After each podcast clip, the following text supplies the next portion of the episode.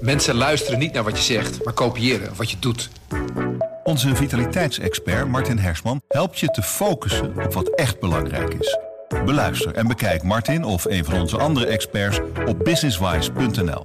Businesswise, het nieuwe platform voor iedereen met ambitie.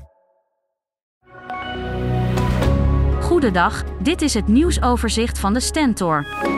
Het ministerie van Landbouw loog in 2018 tegen de Europese Commissie over de omvang van fraude met landbouwpercelen in Nederland.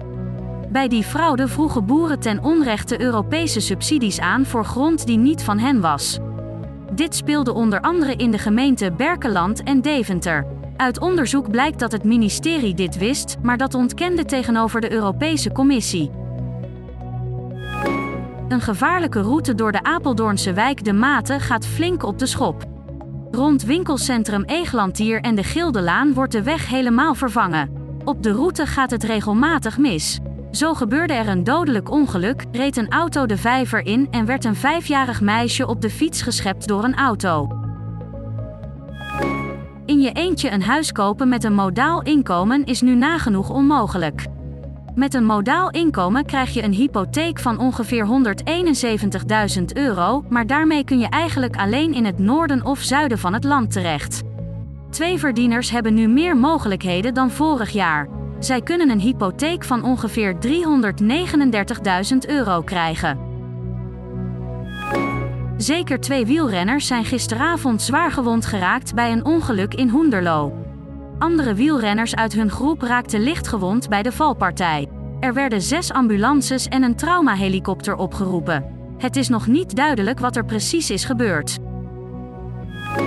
De 60 meter hoge woontoren die in het Deventer havenkwartier gebouwd gaat worden, staat er voorlopig nog niet.